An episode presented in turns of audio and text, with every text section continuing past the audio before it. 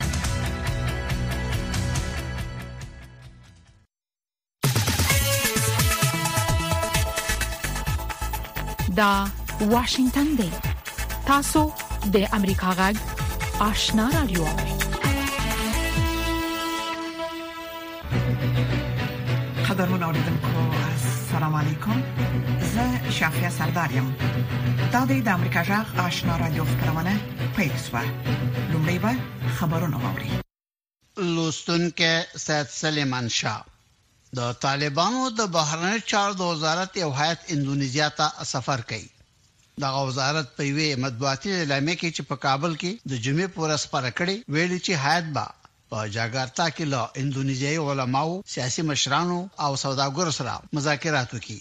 د پاکستان د پوځ په یوې اعلامیه کې چې پرون د شنبې په ورځ یې د پوځ مطبوعاتي دفتر یا آی ایس پي آر په راولپنډۍ کې خپره کړې، په افغانستان کې د تحریک طالبان پاکستان یا ټي ټي پي د فعالیتونو او په ازاده توګه پناه ځایونو ته د لاسرسي درلودلو له امله ژوره اندېښنه څرګنده شوې. د اعلامیې له مخې دا ډول بریدونه د برداشت وړ نه دي چې د پاکستان د امنیتي ځواکونو د موثر ځواب سره به مخامخ شي. د پاکستان پوځ دا خبرداری په داسې حال کې ورکړ چې وسله والو جنګیالو په تېرو دوه ورځو کې بلوچستان په صوبه کې په جلا جلا بریدونو کې د پاکستان د پوځ دوولس عسکر ووژل پر عسکرو باندې وروستۍ حمله چې د پنجشنبې په ورځ د سویې په سیمه کې شوې، چېرې چې د طبیعي ګاز زېرمې پرتې دي او د ګاز د انتقالولو عمومي پایپ لاین غځېدلی، درې تنه عسکر ووژل شو. دې نه مخکې د ژوب په سیمه کې هم د وسله والو په برید کې د پاکستان د پوځ نهه عسکر وژل شوي وو. د پاکستان د پوځ لوی درستیز جنرال عاصم منیر د جمعې په ورځ ژوب ته ولاړ او د وژل شوو عسکرو د جنازې په لمانځه کې برخه واخسته. په عین وخت کې د پاکستان د دفاع وزیر خواجه آصف یو ځلې بیا طالبانو ته خبرداری ورکړی چې د نوموړي په وینا د افغانستان په خاوره کې دننه د تحریک طالبان پاکستان پناه ځایونه تباه کړي او جنګیالي وباسي. د دې نه مخکې د طالبانو د حکومت یوه مطبوعاتي ویاند د خواجه آصف څرګندونې بې بنیاده او بې اساسه بللې وې له بل پلوه پاکستاني چارواکي وايي چې د پنجاب په صوبه کې د پرله پسې اورښتونو په نتیجه کې د سېلابونو د راوتو له امله شاوخوا څوارلس زره کسان په کښتیو کې خوندي ځایونو ته لېږدول شوي دي. ویل کېږي چې د دوو سیندونو اوبو د اوسېدانې پر سیمو ورغلي او ګڼ شمېر کلي لاندې کړي دي. تېر کال هم په همدې موسم کې د درندو اورښتونو له امله سېلابونه راووتل او په میلیاردونو ډالره زیان یې خلکو ته واړو. بیا د تېرې میاشتې راهیسې د همدغه شان تباه کوونکو سېلابونو د راوتو وېره پیدا شوې، تر دې دمه د موسم اړوند پېښو له امله یو نوي کسان وژل شوي دي. د افغانستان، سیمې او د نړۍ خبرونه له امریکا غږ واشنګټن نه اورئ. د اسوشېټېډ پرېس خبري اژانس د رپوټ له مخې د متحده ایالاتو د دفاع وزارت یا پنټاګن وايي چې له ایران، روسیې او سوریې سره د اړیکو د خرابېدو په وجه، منځني ختیځ ته د اف شپاړس جټ الوتکو او د اې لس تعرضي الوتکو د استولو پرېکړه کړې. اژانس د پنټاګن د یو ویاند له قوله پرون د شنبې په ورځ د جولای په پنځلسمه خبر ورکړی چې دا اقدام یې د ایران له خوا تېره اونۍ د هرمز په تنګي کې د تېلو د دوو ټانکرونو د نیولو د هڅې وروسته وکړ. آژانس د پنټاګن د یو مامور له قوله چې نوم یې نه دی ذکر شوی خبر ورکړی چې شپاړس جټ الوتکې به د هرمز په تنګي کې د تېلو د ټانکرونو هوایي امنیت ساتي.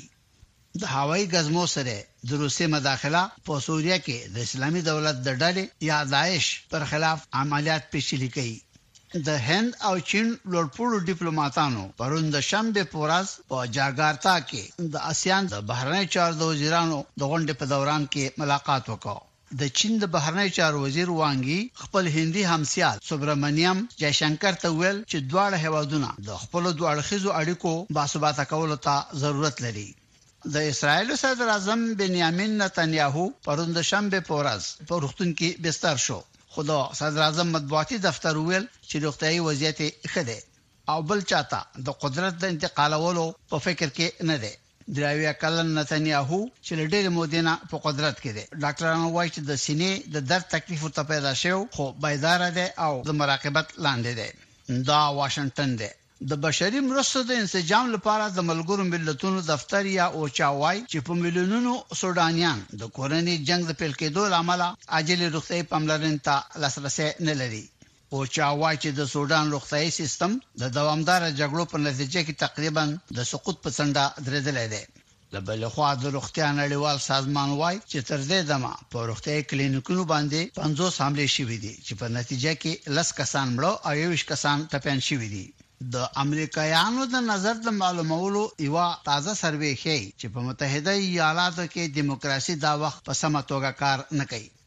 د نظر معلومولو دا سروې ښيي چې نهه څولېښت په سلو کې امریکایان په دې باور دي چې دیموکراسي سم کار نه ورکوي، په سلو کې یې صرف لس فیصده خلک مثبت نظر لري او رادیو کاراکاس چې د ار سي ار په مخفف نوم مشهوره وه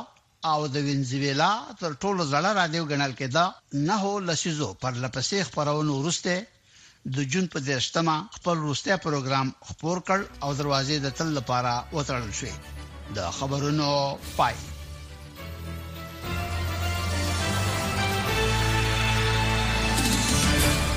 خبرونه مو د امریکا جغ آشنا رادیو څخه واوریدل قدرمن اوریدونکو په دې خبرونه کې د افغانستان او نړۍ د روانو حالاتو په اړه کې مهم مطالب لرو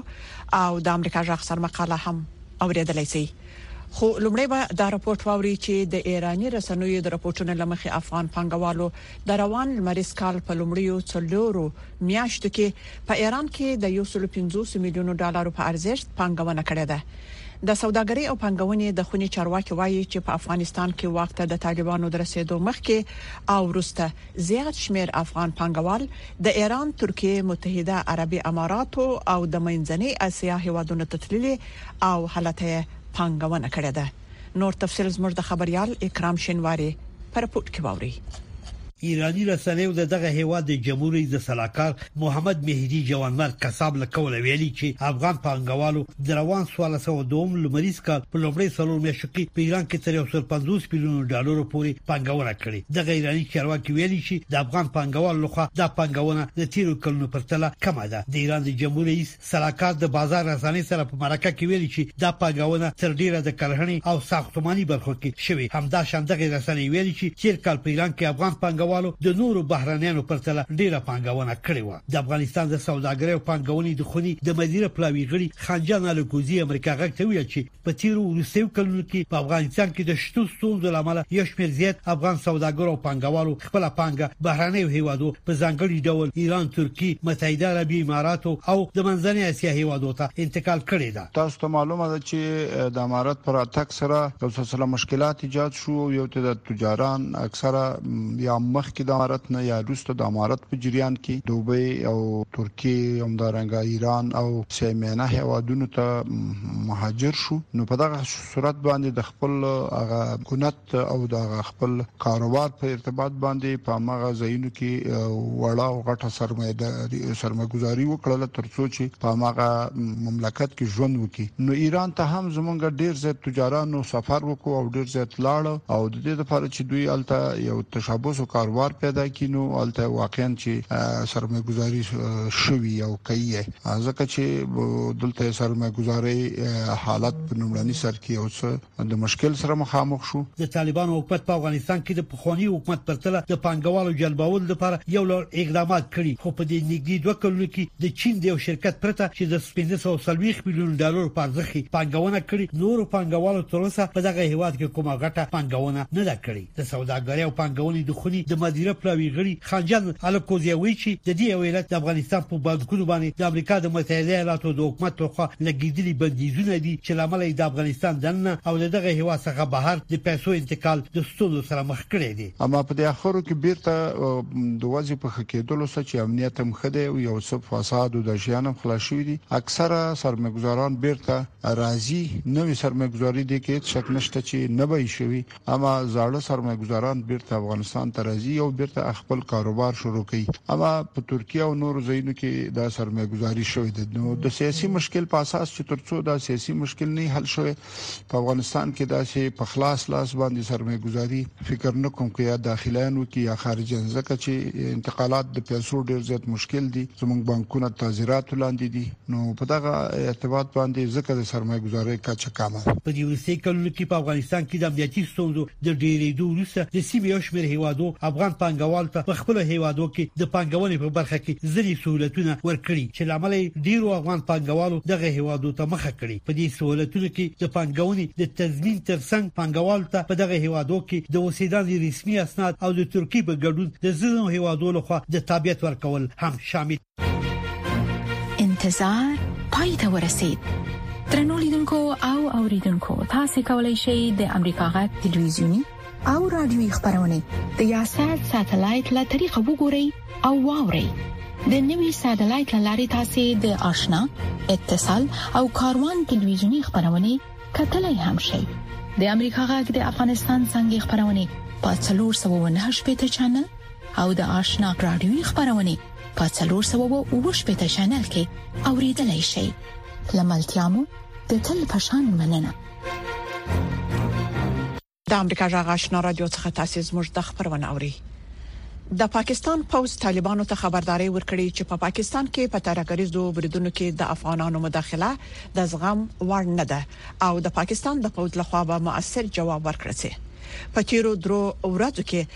د وسله والو په بریدونو کې لږ تر لږه دوولس پاکستاني پوځیان وژل شوي دي. تر دې مخکې د طالبانو حکومت د افغانستان څخه پاکستان ته د امنیتي ګواښونو په اړه د پاکستان د دفاع وزیر څرګندونو ته په غبرګون کې ویلي و چې په دې باب د اسلام اباد اندېښنې بې ځایه دي. نور تفصيل پر پورت کې واوري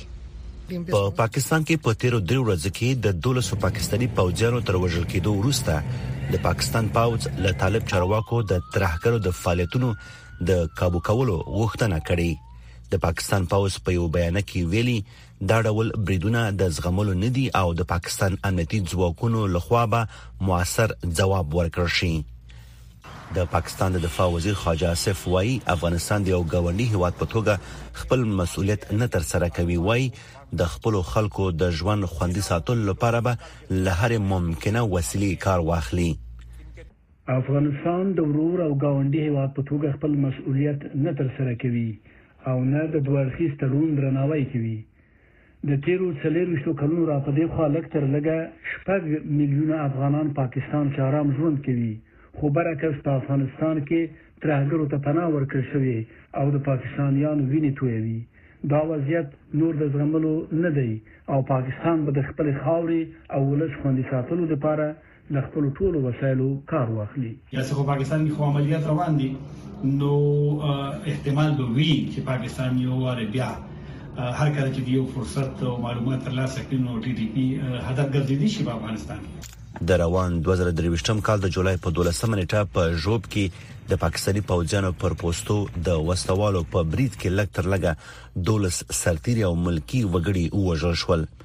په سیمه کې خلکو د امنیتي وضعیت د خرابېدو په اړه اندېښنه ښودلې ده. دلته دا جنګ چې دی، دا جنګ زما د عام وګړو د تکلیف او د مرګ سبب ګرځي. دا پرون چې بدامني شوې ده، دا د ژوب د ښار په منځ کې چوڼۍ ده. که دی د خپلې چوڼۍ دفاع نه شي کولی او دی دومره انټیلیجنټس رپورټ نه لري، نو دلته په دې ملک کې شپږ دېرش انټیلیجنټس ادارې دي چې هغه د دې جنګ خلاف چې دی، نو هغه لګیا دی کار کوي. او د دې ملک په بودیجه باندې او د دې په بجټ باندې چې دغه ژوندې دي آیا د دوی نه باس خاص نه دی په کار چې دا څنګه دا خلک راغلل خو یو شمیر چیرونکو وایي چې د پاکستان پاوس په خپل تیروتنې کړې دي خو هغه خلک چې کوم برسر اقتدار دي په افغانستان کې او په پاکستان کې غیر پر جنگ د کمایي ذریعہ ده د اسلام آباد او تحریک طالبان پاکستان ترمنځ اوربند چې د افغان طالبان د حکومت په منځګړتوب ټینګ شوی وو د تیر 2022 کال د نوومبر په میاشت کې پای ته ورسید او د تحریک طالبان پاکستان خپل وسلوال ته امر وکړ چې په دغه هیواد کې بیرته بریدونه پیل کړي د پاکستان د پاوز اوسنۍ ناندریو ته چې زګورم نو ماته ډیر ښکلی پښتو متل را یاد شي چې ویل کیږي چې څه چې کرې هغه به ریبې پاکستان او د هغوی پوځیان او استخباراتچیان اوس په خپل هغه کمه لوبه چې دوی ډیزاین کړې و په هغه کې راکړي هغه اوس نشي کولای چې ډېری حلقې د نن په هم په ټي ټي پی کې او هم په طالبانو کې چې دواړه زیږولي د پاکستان استخبارات اوس کنټرول کړي د راپورونو پر اساس په پاکستان کې د تحریک طالبان پاکستان او نورو وسلوالو ډلو په بریدونو کې د روان 2023م کال په لومړی او شپږو میاشتو کې د امنیتي ځواکونو په ګډون نږدې 300 کسان وژل شوي د طالبانو حکومت تر اوسه د پاکستان د پوز څرګندون ته خبرګون نه دی خوده خو د دې د مخې په دې ټینګار کړی چې د افغانستان له خاورې به د بل هیڅ هیواد په خلاف کار وانه خستل شي وحید فیضی د امریکا غږ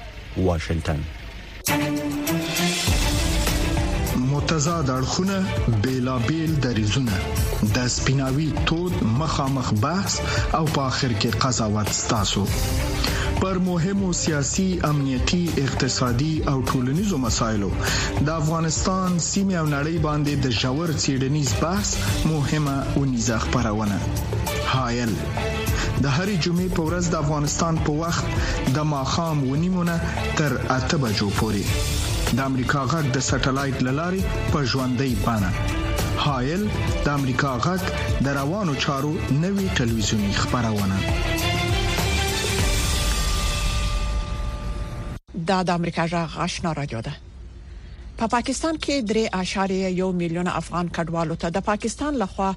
د ورکړل شوو پیژندپاڼو موده پای ته رسیدلې چې له امله یې افغان کډوال آزاد ژوند نشي کولای او د پولیسو له خوا ځورول کیږي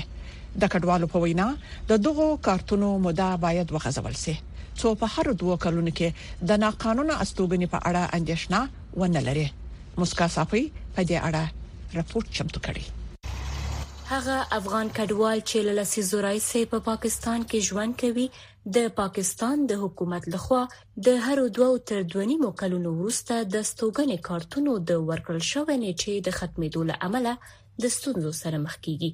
افغان کډوال وايي د پولیسو لخوا د نیول کېدو ویره لري. ځینې نور افغانان وايي په داسې حال کې ډاډه کاروبار ته زړه نه ښه کوي. موږ خو د زیاتره په دې مشکل دغه ده چې موږ په دې باندې یو آزادانه کاروبار نشو کولای ځکه چې موږ کله چې کاروبار شروع کوم موږ افغان تجارت کوو نو موږ ډاریږو په ډار کې موږ نشو کولای ځکه چې د وخت هر ټیم موږ تشپګ میاشتې دوه کاله کال ټیم راکول کیږي نو موږ نه غواړو چې الته کې موږ کاروبار په مخ بوزو چې کور نه وځو دلته غلې کوم پولیس ولاړی سره کوم پولیس ولاړی ارځي چې کارډو ګوري چې ایکسپایر د غوم تنګي مونږ ماجر تنګي چې تاسو کارډونه ایکسپایر دی او زه تانه ته ځه مونږ په دې نظم کا خلو نه په بانک اکاونټ جوړیږي نه کوم بل د سجایدات کار پکوي شو اسم نه پکې بس صرف ګرځیدل یا غم چې دوه کال ټیم نو دوه کال ټیم ډیر کم دی زه چې مثال بازار ته سم یا پېښور ته سم یا لاهور ته سم دکان دی پر سامان راوړم ما نه بار بار لری کې تپوس کیږي زکه چې یې ته کارډو خیا کارډ چې وینا نو موږ باید غواړو چې موږ کوم ملک کې اوسېږو د هغه ځي پروف وي مثال یو سړي سره ثبوت وي میلاد واحدي چې په همدې کارت یې په یو بهرنۍ اداره کې دنده ترلاسه کړې وای چې کداغه کارتونه نیوي نشي نو ممکن لدندې ګوښه شي یک موسسه خارجی است که از مدت نو ماه میشه کمرایشان کار میکنم اما متاسفانه فعلا به ما گفتن که اگر این کار تمدید نشوه ما شما را از کار میکشیم و به مشکل مراجعه میشیم که اگر این کار تمدید نشود د افغان کډوالو لپاره د پاکستان د کډوالو عالی کمشنر عباس خان وایي په دې اړه له دولت او ځینې اړوندو ادارو سره په اړیکه کې دی او ښایي دا کارتونه به د دوو نورو کلونو لپاره تمدید شي دا بالکل جی دا 30 جون د دې ډیډلاین وو د پی او آر کارت والا په دې باندې لاست منت زمونږ میټینګ شوه د سفرون کې او هغه کې څومره منسټریز دي د ټولو سره زموږ په دې باندې دغه شوی دی او حکومت پاکستان ډیر ضرب دي ته ایکستنشن ورکی تقریبا موست پروبلی کې دي چې دوه کال ایکستنشن دي ته ملاوي شي ځکه دا دوه کالو ایکستنشن چې دا سفرون ریکمند کړی دی لکه کو فرض کا 30 جون نه پورې د کابینټ نه اپروول رانغی نو بیا ان دیټ کیس سیفرون ویل رائټ ا لیټر ټو آل دی اتھارټیز انکلوډینګ دی بانکس چې جی تاسو فلحال په دې باندې څه اکشن ماخله په 2014 کال کې افغان کډوالو ته پی او آر کارتونه ورکړل شوی چې تر اوسه درې ځله پای ته رسیدلی دي د دغو کارتونو مودې لومړی د 2012 کال د دسمبر په 11مه بیا د 2015 د دسمبر په 11مه نیټه پای ته رسیدلې وي چې په 2021 کال کې دغه کارتونه بیا نوي شول خو پس له دوه کلونو سږ کال د جون په 10مه یې موده یو ځل بیا پای ته ورسیده که څه هم دا لومړی ځل نه دی چې د دې کارتونو ورکړل شوې موده بشپړ شوې وي خو اوس دا چې کله به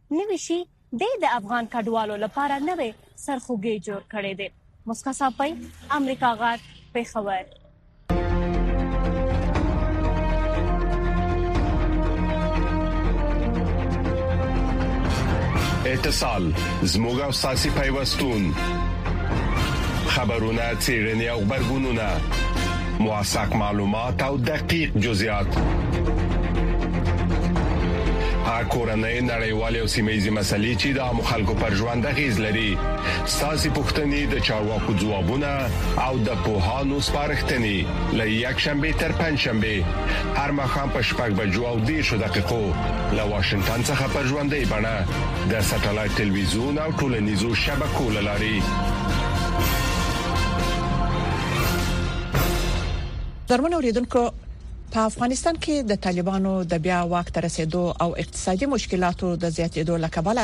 د خټینو لوښو د جوړونکو یا کولالانو کاروبار هم اغیزمن شوی دی او یو شمیر کولالانو خپل کار پرې ایښی دی خو بیا هم د کابل د استالف په سیمه کې یو شمیر کولالان لا هم لګیا دي خټین لوښي او نور شان جوړوي تفصیل یې پر پورت کې ووري نور هغه فقيري د کابل د استالف د سیمې د کولالانو په کلي کې خپله بټۍ لري او په میاشت کې یوازې دوه ځله د خپلې بټۍ اور بلوي. فقیري د هغو څو پاته کولالانو څخه دی چې تر اوسه یې همت د لاسه نه دی ورکړی او خپل کسب یې ژوندی ساتلی دی. ان شاء الله در آینده هم خوش می باشیم باز امی اولادای ما نظرشان در می کسب پدری است که این کسب پدری ما هیچ وقت در حالت سقوط نباشه و کسب خود پیش ببریم در هر حالتش چرا که در کاری که پدرت بابا و بابا کنان آدم دست داده باشه کار کرده باشه پوری نباید آدم فراموش بکنه سر یک برکت خاص داره درو پنځوس کلن نور آقا فقیری چې کلالیه د پلار نیکه کسب دی او نه غواړي چې دا کیس پریږدي. احساس جگرخونی میکنیم نباید بسته باشیم ما میخواهیم که در پاریس دگام یک دکان اگر می باید باید واز باشه کسب ما باید رشد کنه روز به روز اگر کسب ما می باشه هر کاری که می باشه یک بازار اگر صد دکان می باشه یک آرامی و یک چلش غریب گیری داره اگر دو دکان می باشه یک چیز هر قدر که بازار دکان باز باشه دیاکس مردم علاقمند باشه مقرد وقت آدم خوش میگذره اما خیر فروش می باشه دلګر می باشه آدم د کار خو افغانستان د خټنو لوښو په جوړولو کې خپل شهرت لري او د استالف سیمه په دې کې ځانګړی مقام لري، خو اوس د استالف بازار هغسې مصروف نه دی لکه چې پخوا به و.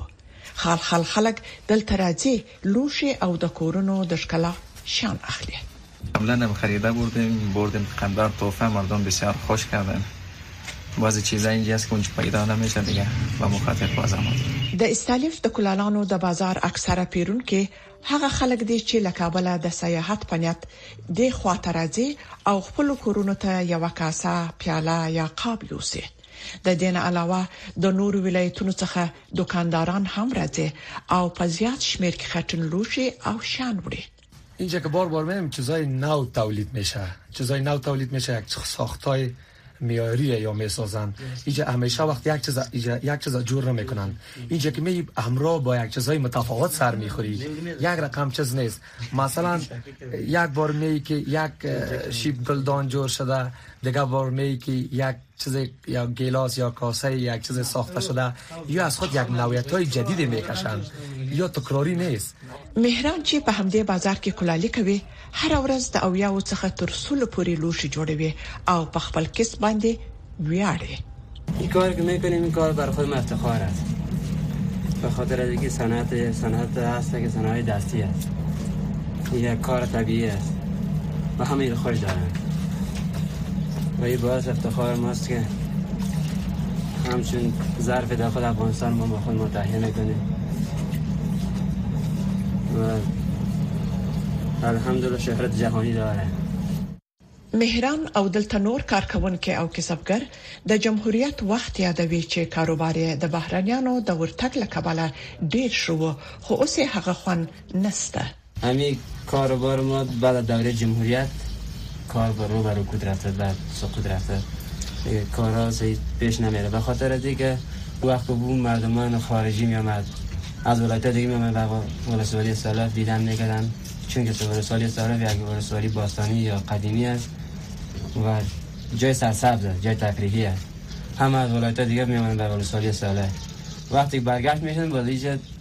حلیمی ظرفهای سلفی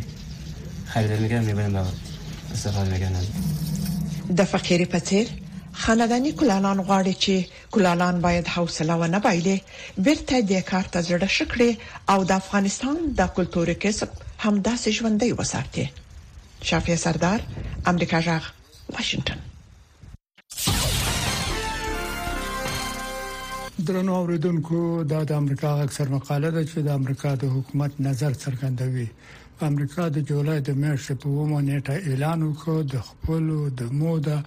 لیدلو د کیمیاوي وسلو ذخیره په محفوظ ډول تباه کړل دا یو پیچلې ټکنالوژیکي چیلنج چې څه باندې د ښکاله نیولې وو د دې کار په کولو سره امریکا د نولس سوه او نوي م کال د کیمیاوي وسلو د کانوینسیون د لاسلیک کوونکي په حیث یو مهم مسولیت سرته ورساوه. جمهور رئیس جوی بایډن په یوه لیکل شوې وینا کې ویلي، د امریکا په ذخیره کې د اخري مهماتو تباه کولو له نه موږ د کیمیاوي وسلو له ویرې نه ازادې نړۍ ته یو ګام نږدې کړلو. د کیمیاوي وسلو د مخنیوي لپاره سازمان او پی سي ډبلیو تایید کړل چې د امریکا د وسلو په ویجاړولو سره د شاملو دولتونو د وسلو ټول اعلان شوی ذخیره د ویجاړولو د نه بدلیدونکو په حیث اوس تصدیق شوی لاسته دراوړنې او دوام لپاره د دفاع وزارت مرستیال ویلیم لا پلانت څرګنده کړه دا لومړی ځل دی یوې بین المللي ډلې د عامه تباهي د اعلان شوو وسلو د یوې بشپړې کټګوري ویجاړول تصدیق کړل په معاصر جنجال کې لومړی ځل و چې کیمیاوي وسلې په لومړي نړیوال جنگ کې استعمال شوې دوی د کړاو ګاللو د ویرې سبب شولې، ځان ورکوونکې سیزنې او خپه کوونکې هیوادونه تشویق کړل چې په ګډه د دوی په استعمال، تولید او ذخیره کولو باندې بندیز ولګوي. په داسې حال کې د اعلان شوو ذخیرو د له منځه وړل یوه مهمه ملتیا ده. لا تر اوسه د کیمیاوي وسلو ګواه په خپل ځای دی څلورو هیوادونو د کیمیاوي وسلو په کنوانسیون کې ګډون نه دی کړی له شاملو دولتونو لخوا لا اعلان شوی کیمیاوي وسلې د یادونې وړ خطر مخامخ کوي په سوریه کې د اسد رژیم په دې ورستیو کلونو کې چې د سی دبليو سی یو لاسلیک کوونکی هیواد دی د خپلو خلکو په خلاف په پرله پسې توګه کیمیاوي وسلې استعمال کړې دي د دې متحد روسیې هم د سی دبليو سی لاسلیک کوونکی ده د وازه د کیمیاوي وسلو د استعمال لپاره له مسولیت نه سوریا و نه ساتله روسي په خپل په مخالف مشر الکسي ناولني باندې او دوه ځلې د اعصابو د نوویک شاک موادو نه په حمله کې کار واخیست جمهور رئیس بایدن ویلي زه پاتې هیوادونه هڅوم چې د کیمیاوي وسلو په کانونسیون کې ګډون وکړي ځکه نو نړۍ به د کیمیاوي وسلو د باندې په باره کې خپل بشپړ ظرفیت ته ورسیږي. روسیه او سوریه باید د کیمیاوي وسلو کانونسیون ته د راستنیدلو موافقه ته راستنې شي او خپل نااعلان شوی پروګرامونه ومني چې په سپینسترګۍ سره په قتلونو او حملو کې ورنه کار اخلي جمهور رئیس څرګنده کړه، موږ به د کیمیاوي وسلو د مخنیوي لپاره د سازمان سره ودرېدو ته دوام ورکړو چې په درسته نړۍ کې د کیمیاوي وسلو د ذخیره کولو، تولیدولو او استعمالولو مخه ونیسي او موږ به د خپلو انډیوالانو سره په ګډه تر هغې پورې ونه درېږو ترڅو پورې چې بالاخره او د تل لپاره نړۍ د دغه مصیبت نه خلاص شوی نه وي درنو اوریدونکو دا و د امریکا غږ سر مقاله چې د امریکا د حکومت نظر څرګند کړ درنو اوریدونکو زموږ د خبرونه په همدې ځای پای ته ورسیده د امریکا جغ آشنا را دوه خبرونه دوام لري ستاسو ټول څه مننه چې زموږ خبرونه اوري